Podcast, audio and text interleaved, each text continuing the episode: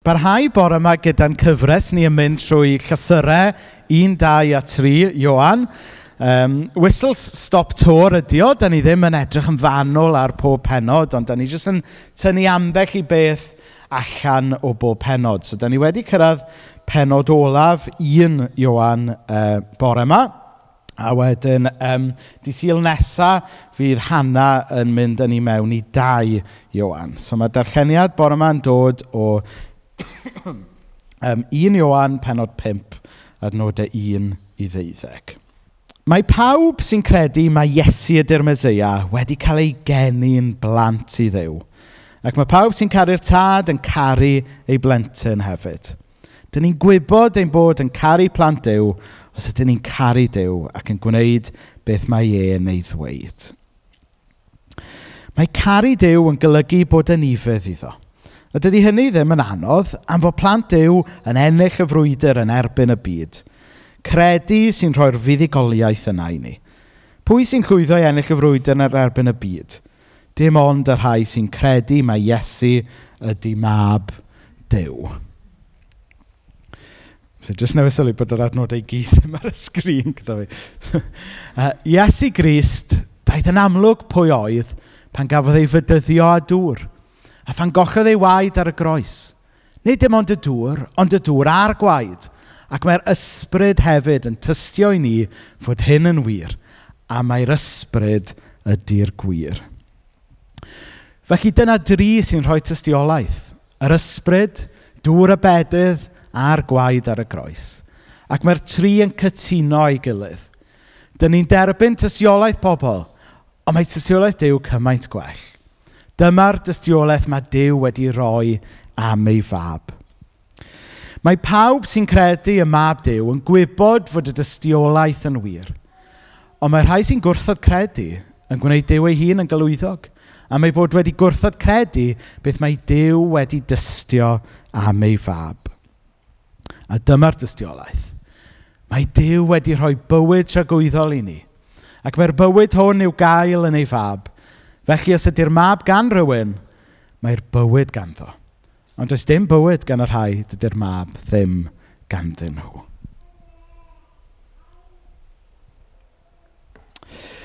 Wel, dyn ni'n ailafel yn y llythyr yma efo'n gilydd bore yma.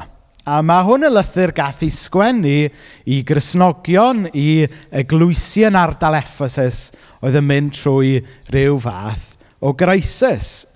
A da ni'n gwybod mai un elfen o'r crisis yna oedd crisis ffydd. Yn benodol, fod nhw wedi dod dan ddylanwad athrawon oedd yn dysgu nhw mai nid Iesu o Nazareth oedd y Mesoea. Um, ac yn ddigon naturiol, tasech chi wedi credu mai Iesu oedd y Mesoea a bod rhywun yn dod i weithio chi, o na, na, dych chi'n anghywir, nid Iesu oedd y Mesoea yn naturiol. Mi fydda hwnna yn eich arwen chi i gael wobl bach. Bydda hwnna yn eich arwen chi falle i ofyn cwestiynau dwys falle am y ffydd. A mi oedd hwn wedi arwain i bach o crisis, bach o argyfwng ymhlith y Cresnogion yma yn ardal Ephesus. Oedd e falle wedi arwen rhai i roi i ffydd mewn pethau eraill. Wedi arwen rhai i roi i ffydd mewn pobl eraill. A falle oedd e hyd yn oed wedi arwain rhai i gochi i ffydd yn llwyr. Nawr, ar un wedd, mae cwestiynau ffydd a hyd yn oed amheuon yn rhan o'r bywyd chrysnogol, yn dydy? Hynny yw, da ni gyd weithiau yn dydan yn gofyn cwestiynau mawr. A da ni gyd weithiau yn reslo efo amheuon.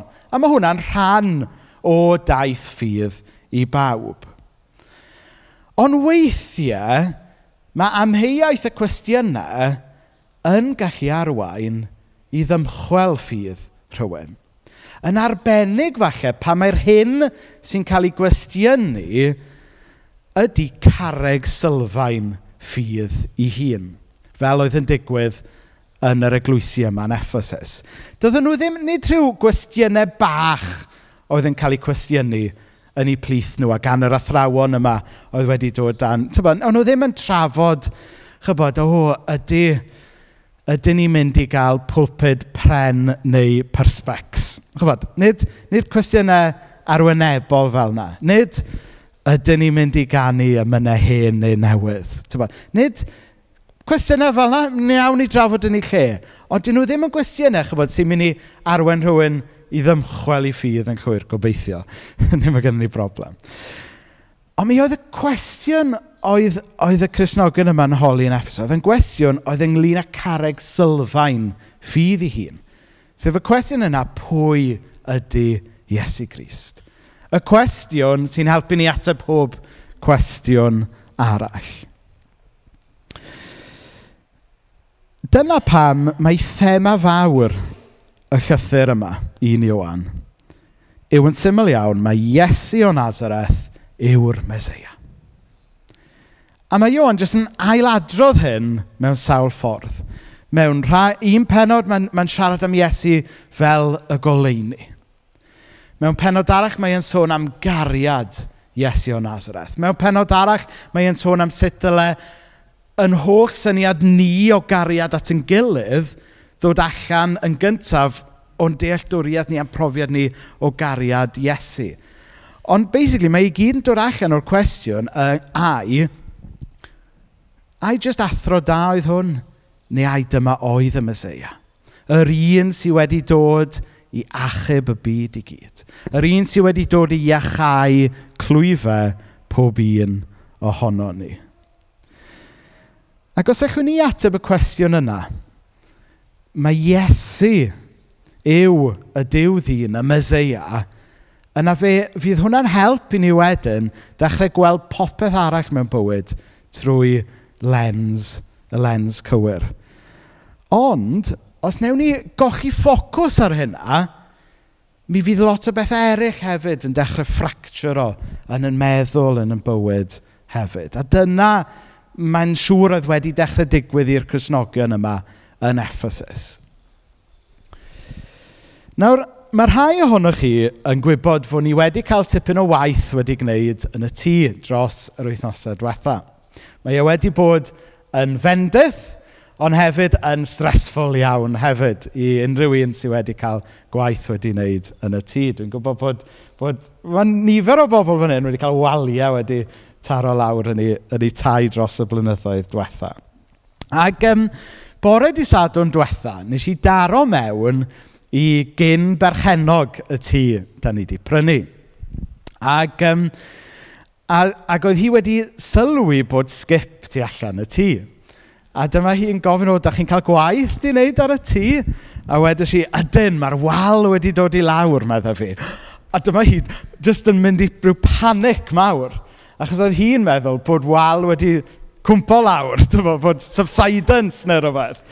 A wedi dyma fi'n goffod, na, na, na, na, na, da ni fwriadol wedi taro wal i lawr. A wedyn ti'n gweld hi, ffiw, ti'n poeni bod ni'n mynd i siwio hi am werthu ti efo defects uh, i ni neu e rhywbeth. Ond, uh, ag, um, ag i chi sydd wedi taro wal i lawr um, yn eich tŷ, mae yna ma rai waliau yn eich tŷ sydd jyst yn waliau pren. Ti'n bod? just yn, ddim yn dal dim byd fyny, maen nhw just yn torri'r spes i fyny.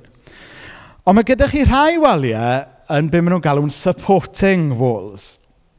Ac oedd y wal o'n i eisiau taro lawr yn supporting wall. Ac, um, a dyna pam, fyddwch chi'n falch o glywed, bod ni wedi cael rhywun o building control allan i wneud y siŵr bod ni'n wneud o'n y ffordd iawn. A'r peth am um, supporting wall yw mae'r wal yn gwireddu pwrpas mwy na jyst y wal ei hun. Hynny yw, mae e'n dal popeth arall i fyny. A'r rheswm pam oedd y crisis yma i'r Cresnogion yn Ephesus mor ddifrifol, a pam bod awdur y llythyr yn ail bwysleisio dro ar ôl tro mae Iesu oedd y Meseia, oedd mae, mae y gred yma, mae Iesu o Nazareth yw y Meseia, yw supporting wall y ffydd Cresnogol. Dwi am fynd gam ymhellach a dweud mae'r gred mae Iesu yw y Mesoea ydy supporting wall yn bywydau ni. Fel unigolion ac fel eglwys. Os da ni'n meddwl bod ni'n gallu sort of taro fo lawr, neu symud o'r neilltu, neu cael popeth i balans o rhywbeth arall, yna falle bydd yn edrych yn iawn am spel, ond wedyn, Unrhyw un sydd wedi taro supporting wall lawr ddim yn y ffordd iawn, byddwch chi'n gwybod bod yna cracks yn dechrau dangos. Byddwch chi'n gweld bod y tŷ yn dechrau gwyro mewn ffordd na ddyle fe. Iesu, neu does dim sôn am supporting walls yn y Beibl, ond mae yna sôn am Iesu fel carreg sylfaen. Fel, fel y, y carreg glo sy'n dal yr holl strwythyr at ei gilydd. A Iesu yw hwnna. Yn yr adnod cyntaf nes i, um, nes i ddarllen gyna, oedd e'n dweud, mae pawb sy'n credu mae Iesu ydy'r Mesoea wedi cael ei genu'n blant i ddiw. Credu mae Iesu yw'r Mesoea, yw dechrau y ffydd grisnogol. Y ffydd yma, Mae Iesu o Mesoea, yr un sydd wedi dod i'n hachub ni o bopeth. Ie, achub ni o'n pechodau, y pethau da ni wedi gwneud yn erbyn yn gilydd ac yn erbyn Dyw, ond hefyd achub ni o, o bob poen, achub ni o bob tywyllwch, achub ni o bob craith da ni yn ei gario. A da ni'n gwybod hynna oherwydd erbyn adnod pedwar, mae e'n mynd mlaen i ddweud mai credu yn Iesu sy'n rhoi'r fuddugoliaeth yna i ni. Pwy sy'n llwyddo i ennill y frwydr yn erbyn y byd? Dim ond y rhai sy'n credu mae Iesu ydy mab Dyw. Drwy roed yn ffydd yn Iesu, dyw e ddim yn ffydd oes, mae yna elfen o ffydd grisnogol, da ni dal i ddisgwyl ymlaen ato fe pan fydd Iesu yn dod yn ôl, Ond mae'r fuddugoliaeth eisoes wedi i ennill.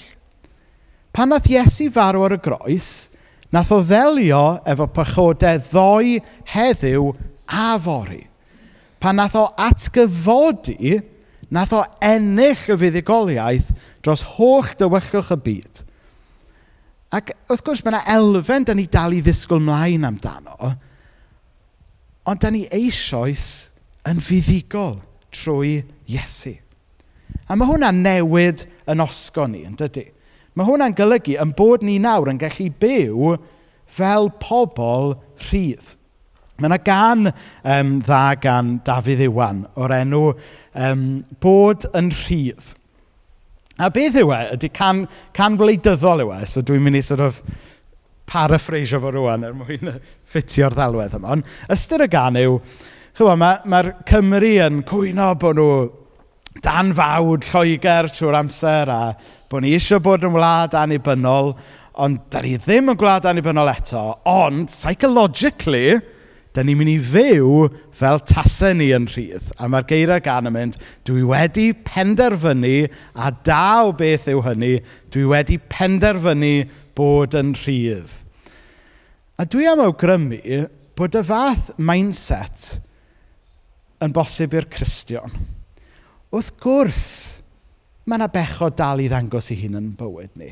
Wrth gwrs, mae tywyllwch y byd yma dal yn effeithio arna ni. Ond oherwydd buddigoliaeth Iesu, does dim rhaid i'r pechod ddiffinio pwy ydyn ni, does dim rhaid i'r tywyllwch yn trechu ni, oherwydd bod ni wedi penderfynu bod yn rhydd gan bod Iesu eisoes wedi ennill y fuddugoliaeth ar y groes a trwy i atgyfodiad. So tro nesaf glywch chi Dafydd Iwan ar y radio, dwi wedi penderfynu bod yn rhydd. Da ni'n rhydd yn ysbrydol, hyd yn oed os da ni ddim yn rhydd yn wleidyddol. Ie, yeah. lle dwi'n mynd nawr? Dwi'n mynd off y sgript yn llwyr fan hyn. Dafydd Iwan on the mind. Ie, yeah, so wedyn, mae'r um, mae darn yn mynd mlaen wedyn erbyn adnod 6 a 7. Um, i sôn, um, i bwysleisio eto Iesu Grist, a fod yna dystiolaeth am Iesu Grist. Fod y, y dystiolaeth amlwg fod e wedi marw ar y groes, bod e wedi atgyfodi, fod i fedydd e hefyd yn dystiolaeth, achos trwy pan gath Iesu Grist i fedyddio, oedd e'r moment yna lle mae'n derbyn eneiniad y tad yn y nef, bod hwnna'n dystiolaeth. Ond wedyn mae'n mynd mlaen hefyd i ddweud, ac mae'r ysbryd hefyd yn tystio i ni fod hyn yn wir. A mae'r ysbryd ydy'r gwir. Felly dyma dri sy'n rhoi tystiolaeth. Yr ysbryd, dŵr y bedydd a'r gwaed ar y groes. Ac mae'r tri yn cytuno gyda'i gilydd. Ysbryd, dŵr y bedydd a'r gwaed ar y groes.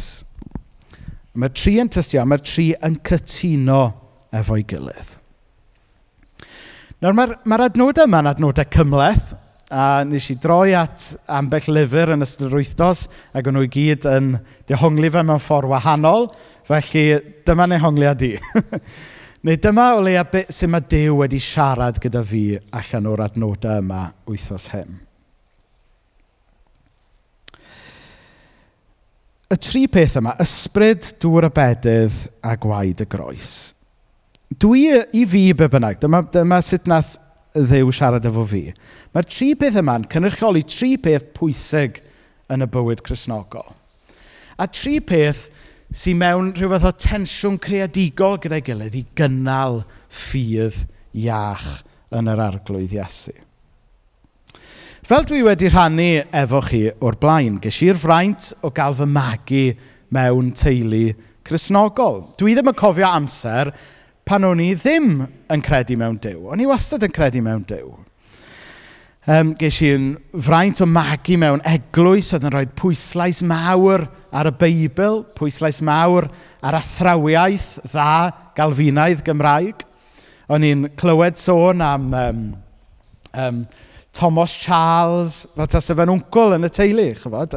Dyma yw'r dyma yw'r yw ddiwynyddiaeth dda Gymreig ges i yn fagu ynddo fe. Um, mae yna lun ohono fi fel babi ym mreichiau gwraig Martin Lloyd-Jones. Dyna'r dyna math o fagwraeth dda uh, uh, ddiwynyddol ges i. O'n i'n credu y pethau i gyd. O'n i'n credu'r holl bethau sound yma. O oedran ifanc iawn, o'n i'n deall fan hyn, O'n i'n gwybod y cwestiynau i gyd. O'n i'n oedran ifanc. O'n i'n allan i ddeitha chi pwy oedd Iesu, pechod, maddeiant, barn, efoedd, uffern, yr ail ddyfodiad a popeth yn y canol. I knew all the answers.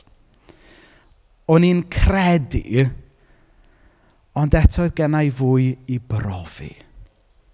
A mae yna wahaniaeth yn does rhwng just gwybod y pethau ynglyn â'r ffydd grisnogol a profi cariad a myddeiant a derbyniad Iesu go iawn yn does. Cofio clywed unwaith, a dwi wedi rhannu'r um, y stori yma o'r blaen. Mae un, un ffordd o ddeall y gwahaniaeth rhwng gwybod ac adnabod yw'r gwahaniaeth rhwng, uh, pa chi'n meddwl am ffrwt salad. Achos i chi'n gwybod mae um, bod tomato'n ffrwyth, ond yr adnabyddiaeth yw gwybod i beidio roi e mewn ffrwt salad. mae ddau, mae ddau beth hollol wahanol yn dydy, tyfod.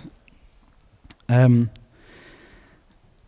a mae yna wahaniaeth rhwng, rhwng just credu y ffeithiau a profi yr adnabyddiaeth yna o Iesu hefyd. A'r ysbryd sy'n gallu troi y credu ffeithiau yn brofiad go iawn o gariad Christ. A weithiau, fe awgrymu bod yna duedd ganddo ni fel Cresnogion weithiau, o feddwl bod rhaid chi ddewis un ochr dros y llach, bod chi'n bobl sy'n rhoi y pwyslais i gyd ar gredu y pethau iawn – Neu mae gyda chi rhai Cresnogion sy'n falle a tuedd i roi pwyslais i gyd ar y profiad. Ond edrychwch ar yr adnodau yma eto. Does dim rhai dewis. Ni ddylen ni ddewis. Felly dyma'r tri sy'n rhoi tystiolaeth. Yr ysbryd, dŵr y bedydd, a'r gwaed ar y groes. Ac mae'r tri yn cytuno a'i gilydd. Gair a gwirionedd gwirionedd ac ysbryd. Wrth i'r gred yma, y ffydd a'r ffeithiau, credu fod Iesu y Mesoea yn berson go iawn sydd wedi dod mewn i'r byd, wrth i hwnna wedyn gael ei briodi gyda'r profiad o gariad Dyw, dyna lle da ni'n ffeindio chrysnogaeth sy'n rhoi bywyd i ni. Dyna lle da ni'n ffeindio chrysnogaeth sy'n gallu yn cynnal ni pan mae gwirionedd ac ysbryd yn dod at ei gilydd.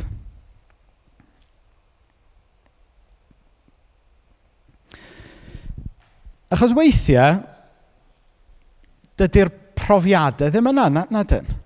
Mae'n ma, ma profiadau, os ydych chi fel fi, mae'ch profiadau chi lan a lawr. Ac yr dyddiadau pan di'r profiad ddim yna, mae'n bwysig bod ni yn cofio beth da ni'n credu. Ar ddyddiau eraill, os ydych chi unwaith eto fel fi'n gadael eich emosiwn weithiau fynd chi bod math o lefydd, mae credu yn bwysig. Ond weithiau mae modd i just cred fynd yn gred sych yn does. Fel bita Weetabix heb lefrydd. Chi wedi trio neu'n harioed? Na brofiad ofnadwy. o, mae'n disgusting yn tydi. Ond, chybod, a difrifoli am eiliad, weithiau, mae modd i gredu heb yr ysbryd fod felly. Dyna pan bod ni angen gwirionedd ag ysbryd gyda'i gilydd yn yn bywyd chrysnogol. Fel unigolion, ond hefyd fel teulu, fel eglwys.